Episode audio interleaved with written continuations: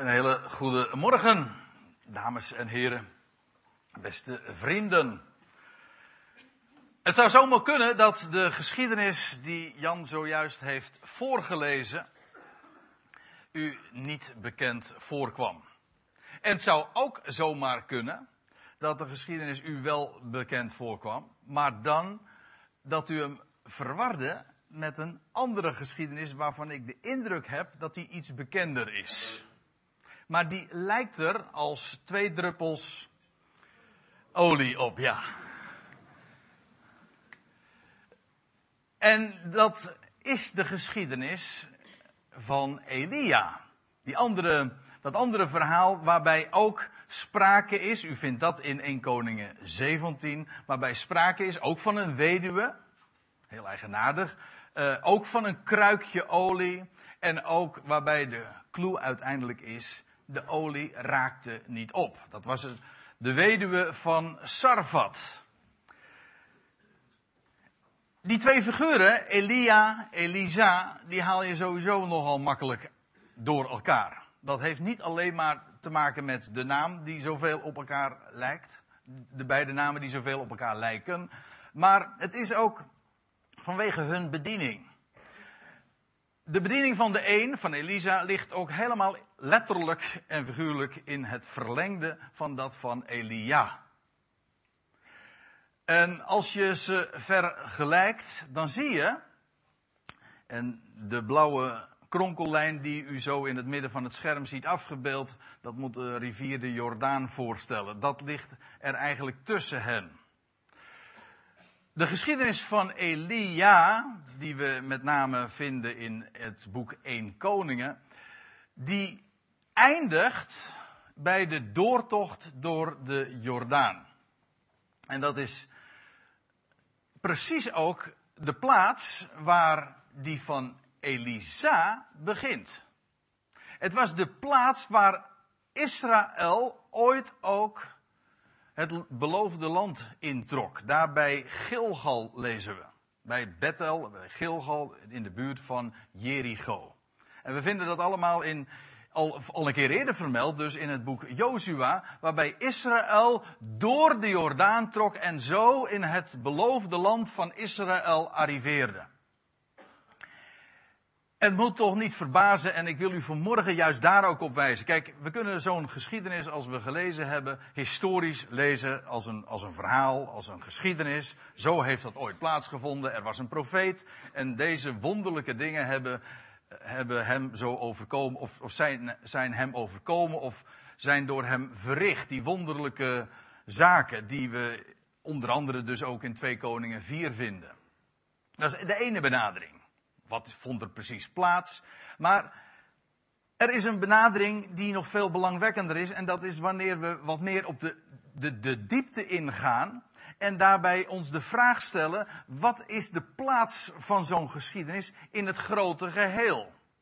En dan blijkt dat het behalve een historische betekenis heeft, als een verhaal, wat je op de zondagschool dan hoort, en waaruit we, en dat zullen we straks vanzelf ook nog wel doen, en zien. Namelijk praktische lessen daaruit kunnen trekken.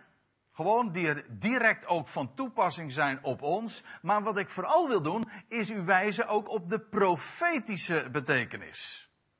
Want in die verhalen, in geschiedenissen, in rituelen, in al die passages van Genesis 1 tot aan het einde van het Oude Testament, maar ik zou kunnen zeggen de hele Bijbel, het wijst allemaal naar die ene God die zich kenbaar heeft gemaakt in hem, de opgestane Messias, die, zal ik het nou zo zeggen, een weg baande dwars door de dood. Nou, daar spreekt en Elia en Elisa van.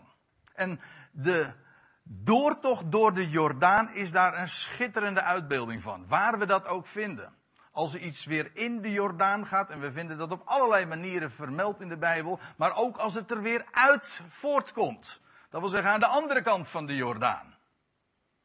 Er wordt een weg gebaand door de doodsjordaan, want de Jordaan is van oudsher, niet alleen in de Bijbel, maar ook in het algemene spraakgebruik, een beeld van de dood. Wel, wat God doet, en dat is karakteristiek voor heel zijn handelen, dat is dat hij een weg baant dwars door de dood. En Elisa spreekt juist ook van hem die verrezen is uit het graf. Daar begon zijn loopbaan. Hij spreekt van hem, van God, die redt, ja hoe? Wel door leven voort te brengen uit de dood. Zijn naam betekent ook, God is redder. Of mijn God is redder, Elisa. Elia betekent God, of mijn God is Yahweh. En als je trouwens, mijn God is Yahweh en Elisa betekent mijn God is redder, voeg de twee namen tezamen, dan krijg je Yahweh is redder. En dan hebben we de naam Jezus. Jezus betekent niks anders. Yahweh is redder. Dus zo zie je ook in die namen al Elia en Elisa en dat wat hen verbindt.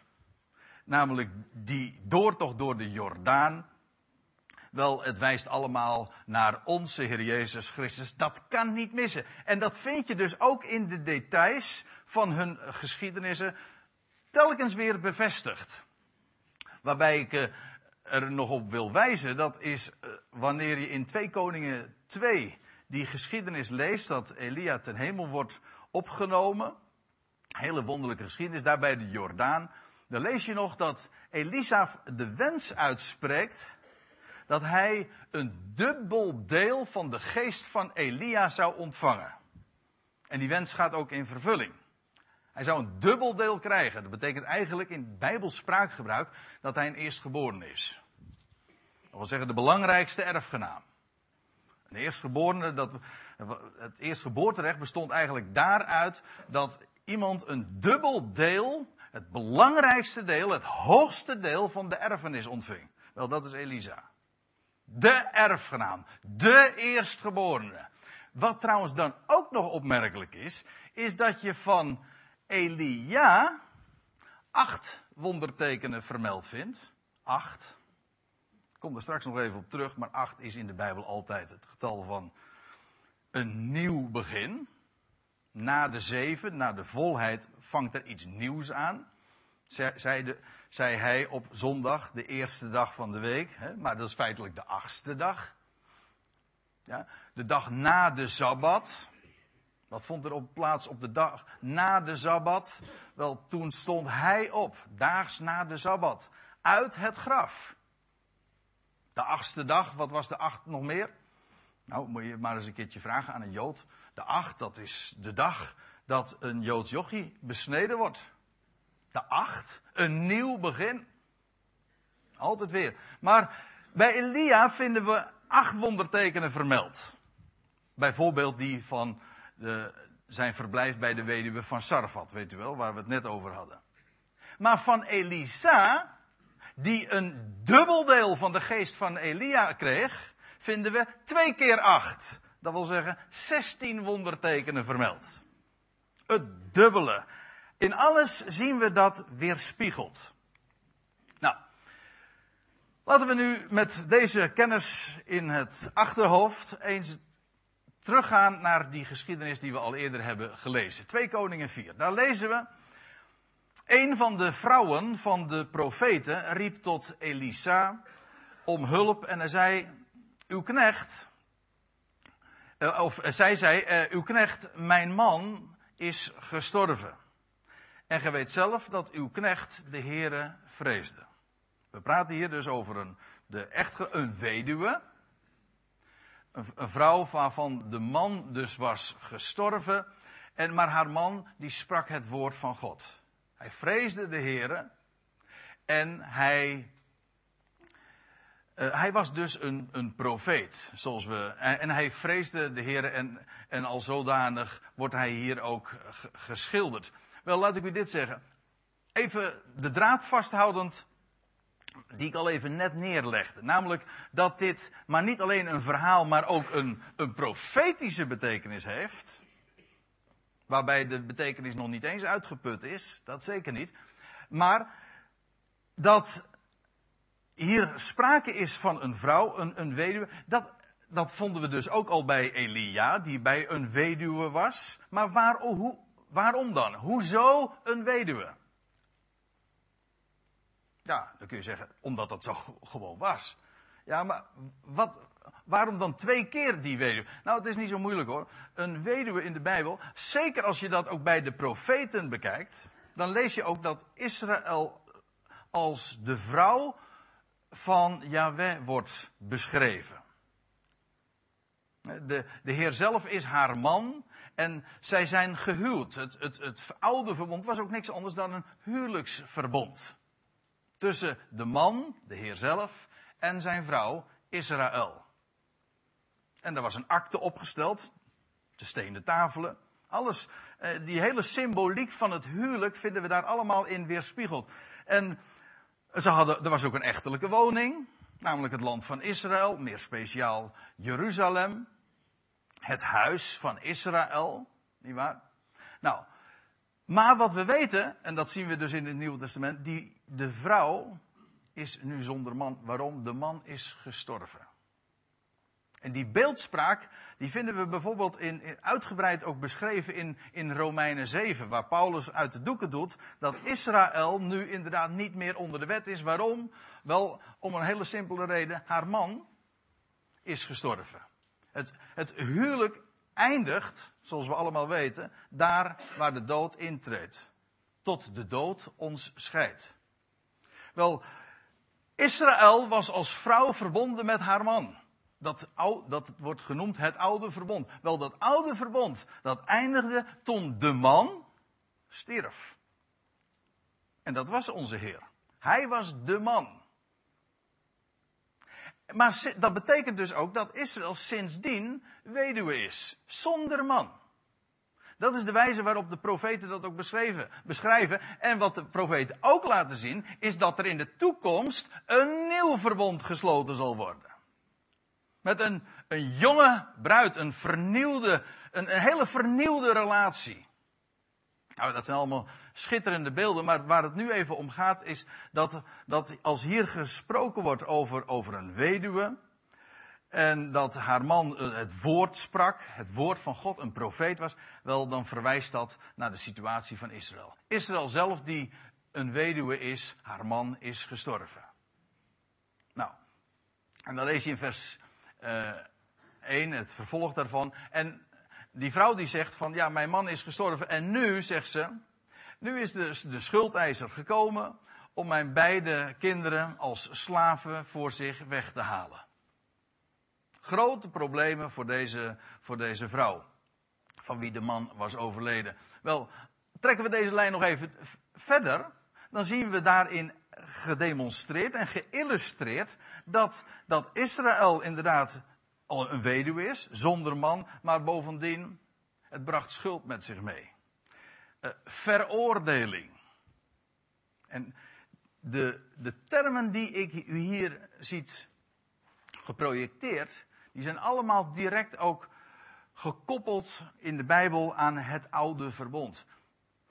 En uh, wat dacht u van uithuiszetting? Hè? Want nu, die, die beide kinderen, zij, zij was in de financiële problemen gekomen, er was een schuldeiser.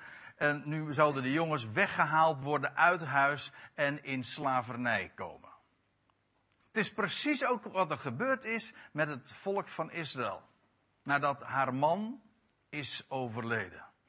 Ze is weduwe. En daarmee, dat, het oude verbond wordt beschreven als een bediening van veroordeling. Natuurlijk, je kunt zeggen het oude verbond was heerlijk in, in, allerlei opzichten. Maar, zegt Paulus dan, als je het afzet tegen dat wat God voornemens is, namelijk in een nieuw verbond, dan is dat een bediening van veroordeling, een bediening des doods. En wat u weet ook allemaal wat er gebeurd is toen de man is overleden, wel toen is Israël, het, het volk, haar, de zonen van het huis Israëls, zijn uit huis geplaatst en in ballingschap terechtgekomen, in slavernij, in veroordeling. In wezen deze, deze periode, sinds de dood van de man, is dit eigenlijk de situatie. Israël is een weduwe en de problemen zijn groot. Ze is, uit het, ze is in de diaspora terechtgekomen, onder de volkeren verstrooid in zoveel ellende. Wat je in deze geschiedenis vindt, is dat daar een einde aan zal komen. En dat de vrouw te raden zal gaan bij de man Gods. En ik hoop dat u begrijpt wat ik, als ik deze dingen zo zeg, dat ik het ook dubbelzinnig bedoel. Ook profetisch. Goed. Vers 2. Dan lezen we. En Elisa, die vroeg haar, ja, wat kan ik voor u doen? Vertel mij. Vertel mij wat gij in uw huis hebt. En zij antwoordde, ja, uw dienstmaagd heeft niks in huis. Behalve een kruikje olie.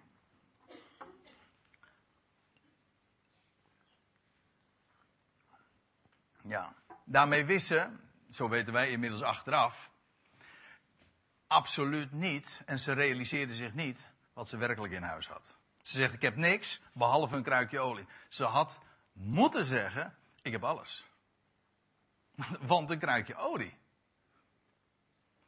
Maar nou praat ik met kennis van nu, hè. En, en dan kijk je tegen zo'n geschiedenis aan. Die vrouw zegt, ik heb helemaal niks, behalve dan een kruikje olie. Ja. Ik denk wel eens een keer, wij zijn ook als gelovigen, hebben we nauwelijks besef wat we in huis hebben. Dan zeggen we nou, hè, dan, dan, kunnen er zomaar problemen zijn in, in je leven, vragen, tekorten, moeiten, een schuldeiser misschien. Letterlijk of figuurlijk. Ja. En wat heb je in huis? Zeg je dan van nou ik heb niks behalve een kruikje olie. We hebben geen idee wat wij bezitten wanneer we het woord van God kennen. Want daar spreekt die olie van. Dat kan niet missen. Ik wil u laten zien dat moet u in ieder geval weten waar die olie van spreekt. Olie, dat is in het Hebreeuws shemen. En dat is, in, dat is, als je dat in de Bijbel leest, zo essentieel. Ja, bij ons is olie ook heel erg belangrijk. Hè? Als wij het over vatenolie hebben, dan hebben we het toch echt over hele andere olie dan waar deze weduwe het over had. Ook olie, dat is waar. Maar wij, als wij het hebben over olie, dan hebben we het over dat spul dat uit de onderwereld komt zo. Zwart. Levert een hoop vervuiling op. Maar de hele wereld draait daarop. Wat daar allemaal in het Midden-Oosten ook gevonden wordt. Dat spul. Dat, dat, dat, is in onze begrippen olie. In de Bijbel is dat geen olie. Olie komt namelijk van de olijf. Het woord olie betekent eigenlijk ook dat wat van de olijf komt. Maar het dient, ja, het is ook in de Bijbel brandstof. Het dient namelijk tot verlichting. Je hebt olie in de lampen. De kandelaar die brandt op olie, dat wil zeggen van de olijf. Het verlicht. Dat is olie. Het is bovendien ook iets wat je telkens weer terugkeert, eh, ziet uh, in de geschiedenissen, waarbij sprake is van zalving. Bijvoorbeeld David die gezalfd wordt. Of wat dacht je trouwens van Saul? Saul werd ook gezalfd uit een kruikje olie. Eh, heb je dat wel eens opgemerkt? Dat als je leest bij de, in de geschiedenis van, van Saul, die wordt gezalfd door Samuel met een kruikje olie. Later komt die Samuel bij David. En dan lees je niet van een kruikje, maar van een hoorn. Oh, dat heeft verder niks te betekenen. Die olie moet toch ergens in zitten, hè? Ja, dat dacht u. Maar een kruikje in de Bijbel, dat is een aardevat. Dat, dat spreekt van vergankelijkheid. Dat wat broos is, wat breekbaar is. Een hoorn heeft met koningschap te maken, maar daar gaat het nu even niet om. Het gaat maar even om over, zo'n kruikje olie. Kruiken spelen in de Bijbel sowieso heel vaak een rol. Maar ook, goed, salving. Uh, koningen werden gezalfd met olijfolie. Je werd koning eh, doordat je gezalfd met, met olie, maar dat was met priesterschap al niet anders. Trouwens, ook zieken werden gezalfd. van olie, aan olie wordt, olijfolie wordt een geneeskrachtige werking ook toegekend. Dat is niet voor niks. Er is weinig spul dat zo gezond is, zo vitaal, als juist olijfolie. En we hebben vandaag de dag nog niet eens werkelijk uh, ontdekt wat daar allemaal nog meer uh, mee, uh, mee, samenhangt als het gaat om, om de gezondheid. Goed, dat laten we eventjes voor wat het is. Maar ik wil alleen maar even zeggen, het olie werd ook dus gebruikt in verband met zalving en had ook te maken met zieken, die werden gezalfd met olie. En voor de rest, het wordt gebruikt in voedsel, uiteraard.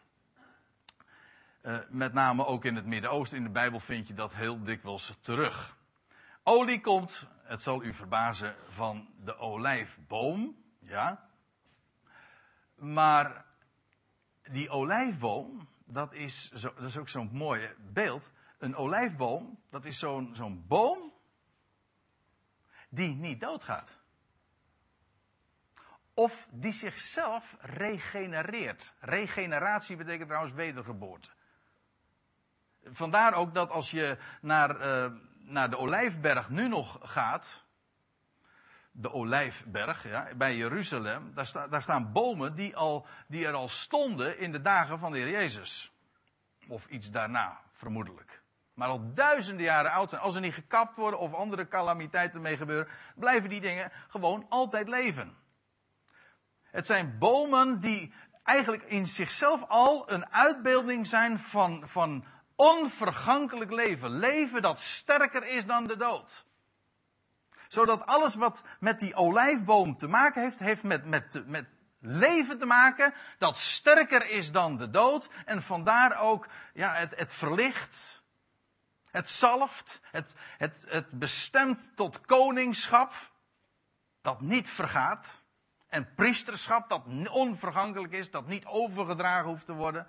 Het heeft allemaal te maken met leven uit de dood. Dat is eigenlijk wat ik u vertellen wil. Waar trouwens de hele Bijbelse boodschap mee in samengevat is. Dan wil ik nog iets zeggen, want we hadden het er al even over, over dat woord acht. Of, of over het getal acht. Over twee keer acht. Maar het woord olie in het Hebreeuws, dat moet ik u vertellen, want ja, als je geen Hebreeuws kent, dan, dan ontgaat zo'n detail je zomaar. Maar het, het, het woord olie hangt direct samen ook met het getal 8. Of eigenlijk omgekeerd. Ja, en dat heeft weer alles te maken met 3, maar dat is de vervulling van de 8.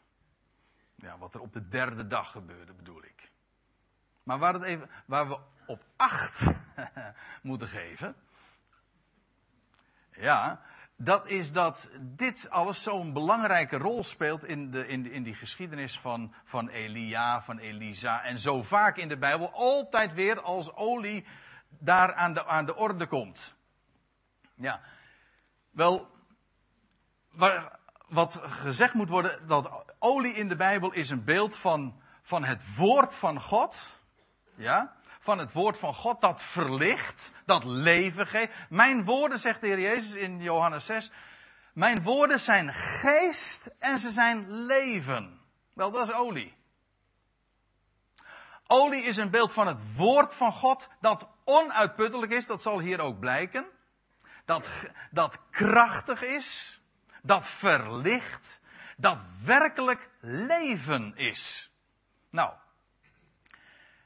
daar denk je altijd gering, te gering over. Dan kun je zeggen van ja, ik heb, wel, wat hebben we in huis? Alleen maar een kruikje olie. Ja. Nou moet je luisteren naar wat Elisa daarover te zeggen heeft. Dan zegt hij, ga heen, en zegt hij tegen die weduwe, vraag buitenshuis vaten van al uw buren. Lege vaten. Laat het er niet weinig zijn. Dat is mooi hoor. Zoals hij dat dan zegt lege vaten. Kruiken, we hadden het er zojuist even over. Kruiken spelen een grote rol in de Bijbel. Moet je, moet je maar eens lezen wat er allemaal in kruiken gedaan wordt. In de geschiedenis van, van Gideon die werden, werden er kruiken gevuld met, met fakkels. Ja, met brandende fakkels. Bleek uiteindelijk het geheim voor de overwinning ook te zijn. Toen de kruiken werden stuk geslagen. Want het gaat niet om die kruiken, om die aardevaten, maar het gaat om wat erin zit. Anders zou je die feestgangers bij Cana eens een keertje na moeten vragen hoe belangrijk kruiken zijn en wat daarin gedaan wordt. Ja, die moesten gevuld worden met water. Ook een beeld trouwens van het woord van God. Ze moesten gevuld worden tot, met water. En dan zegt, dan zegt Jezus nog van, uh, vervul, vul die vaten met water. En wat deden ze? Ze vulden ze tot de rand aan toe. Ze namen dat woord heel letterlijk. Dat is altijd heel verstandig trouwens. Om het woord van God heel letterlijk te nemen. Bij alle diepe lagen die erin zitten. Het woord van God is zo concreet. Kijk waar het om gaat. Die lege vaten nu. En ik, en ik schat zo in dat de meeste mensen dat wel zullen begrijpen. Een aardevat is gewoon een beeld van ons mensen. Wij zijn aardevaten. Dat verzin ik niet, dat staat ook zo in de Bijbel hoor. Broos. Breekbaar. Petrus zegt van, uh, tegen de mannen van behandel uw vrouw voorzichtig. Hm? Breekbaar hè. Als brozer vaatwerk. Ja. Broser vaatwerk hè. Er staat een overtreffende trap. Dat wil zeggen, het broze vaatwerk is dus. Dat is de man, ja. De man is het broze vaatwerk, het zwakke geslacht, de vrouw het zwakkere. Ja. Maar we zitten dus allemaal in hetzelfde schuitje, we zijn gewoon zwak en breekbaar. Oh jee, wat heb ik nou gezegd zeg.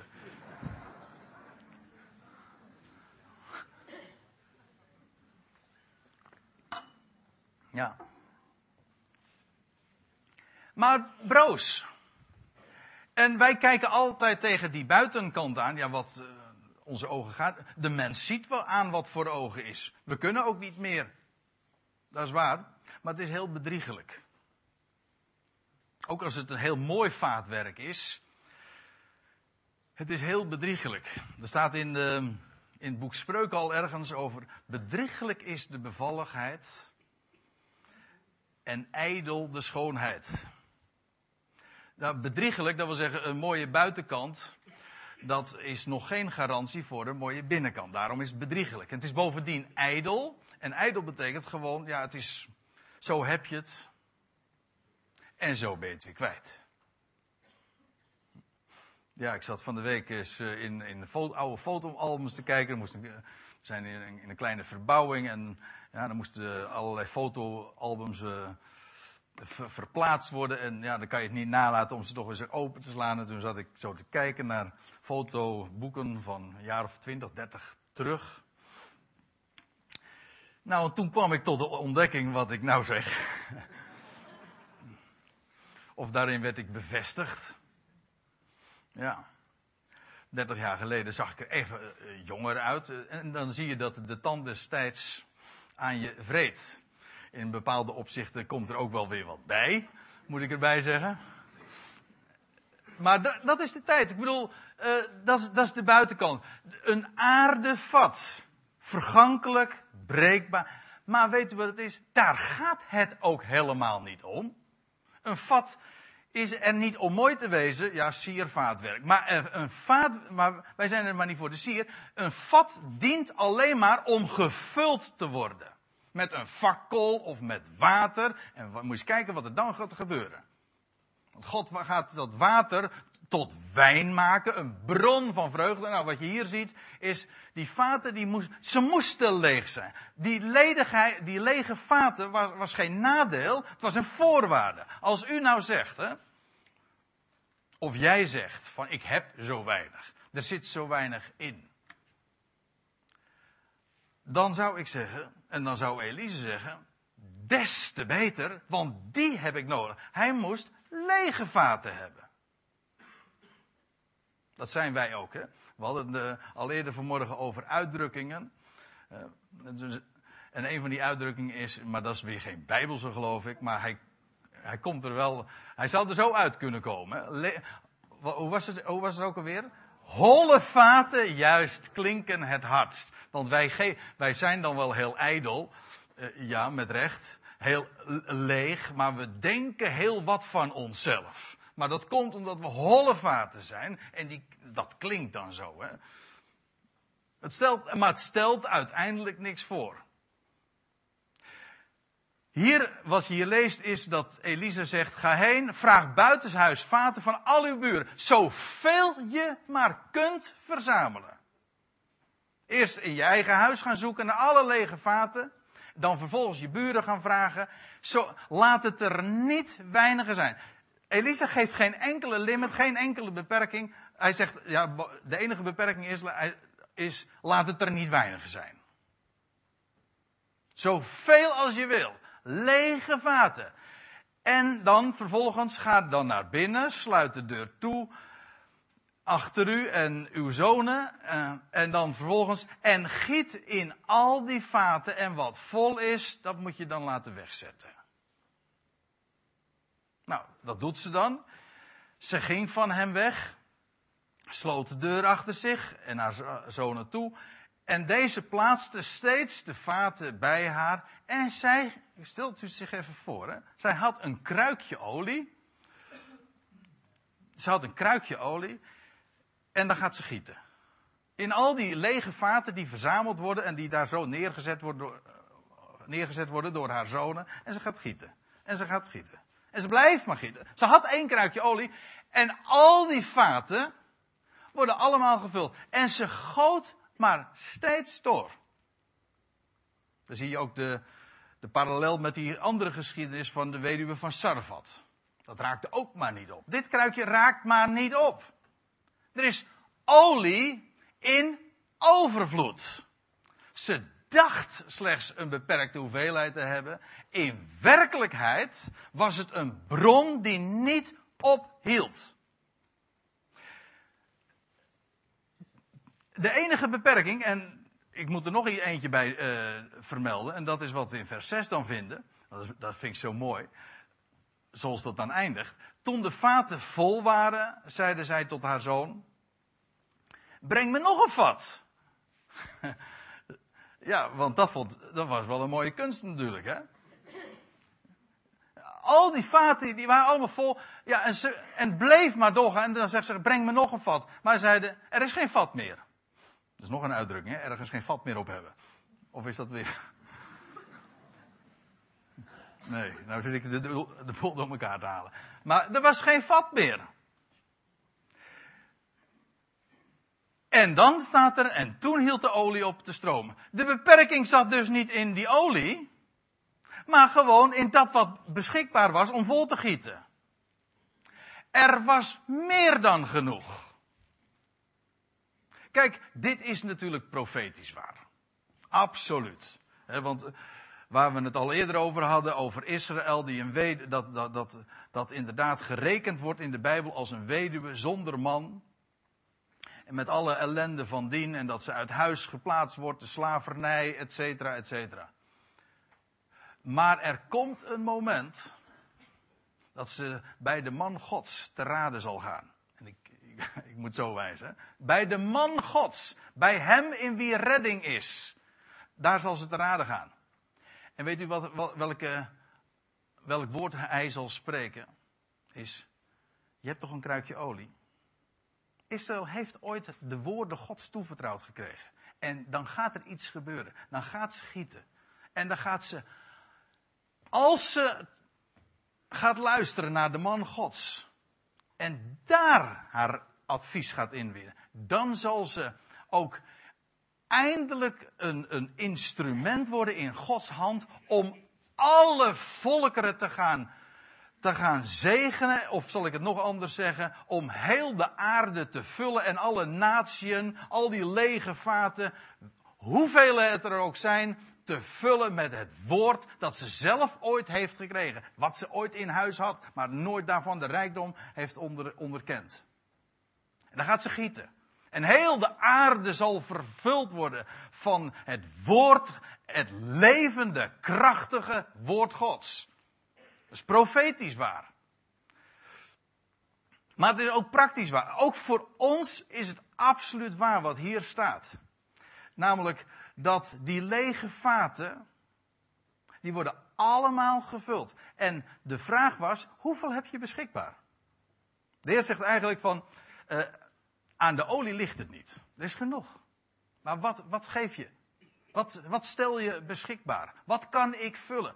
Er staat in de Bijbel, zegt Paulus in 2 Korinthe, nee, niet in 2 Korinthe, daar gaan we het zo nog even over hebben, maar in Filippenzen 4, daar, daar schrijft Paulus dit. Mijn God, die zal in al uw behoeften, dat zijn lege vaten, dat is wat je nodig hebt, dat wat vervuld moet worden. Lege vaten moeten vervuld worden, behoeften moeten ook vervuld worden. Mijn God zal in al uw behoeften naar zijn rijkdom heerlijk voorzien. Waarbij ik trouwens dat voorzetsel wel heel mooi is. Naar zijn rijkdom. Er staat dus niet uit zijn rijkdom. Dat is ook wel waar hoor. Maar naar zijn rijkdom is nog veel mooier. Kijk, het, het verschil is heel gemakkelijk te, te illustreren. De koningin, die staat te boek als een, eh, als een zeer rijke vrouw, onze, onze vorstin. Stel je voor, zij loopt in, eh, in Den Haag in de straat en daar zit een bedelaar. En zij geeft een halve euro aan die bedelaar. Dan geeft de koningin uit haar rijkdom. Maar ze geeft niet naar haar rijkdom. Als zij naar haar rijkdom geeft, dan is, die bedelaar, uh, dan zit hij goed. Dan is hij in één keer geen bedelaar meer. Want dan gaat zij namelijk rijkelijk geven. In overeenstemming met haar, haar rijkdom. Wel, zo'n God hebben wij, en daar heeft Paulus het over. Over de God die alle lege vaten, al uw behoeften, niet al uw wensen hoor. Ja, in datzelfde Filippenzen 4 zegt hij, maak al je wensen maar bekend. Met dankzegging. Dat wil zeggen, in het besef dat hij bij machten is jouw wens te vervullen. Maar weet u wat hij doet? Hij doet nog veel meer. Want wat wij wensen, dat is vaak helemaal niet het beste. Hij geeft het. Zijn weg is altijd de beste. De beste, altijd, zo zingen we het toch? En ik heb heel dikwijls al in het verleden gevraagd om dingen waarvan ik achteraf heel blij ben dat ik ze niet gekregen heb. Ik heb in het verleden wel eens gevraagd, Heer, wilt u mij dat meisje geven? Daar zit een andere vrouw. en ik ben heel blij daarom. Ik bedoel, dat onze wensen, daar gaat het mag je, die kun je allemaal bekendmaken bij hem. Natuurlijk. En hij is bij macht dat allemaal te vervullen. Maar je dankt hem voor het feit dat als je, het kan zijn dat je om zilver vraagt.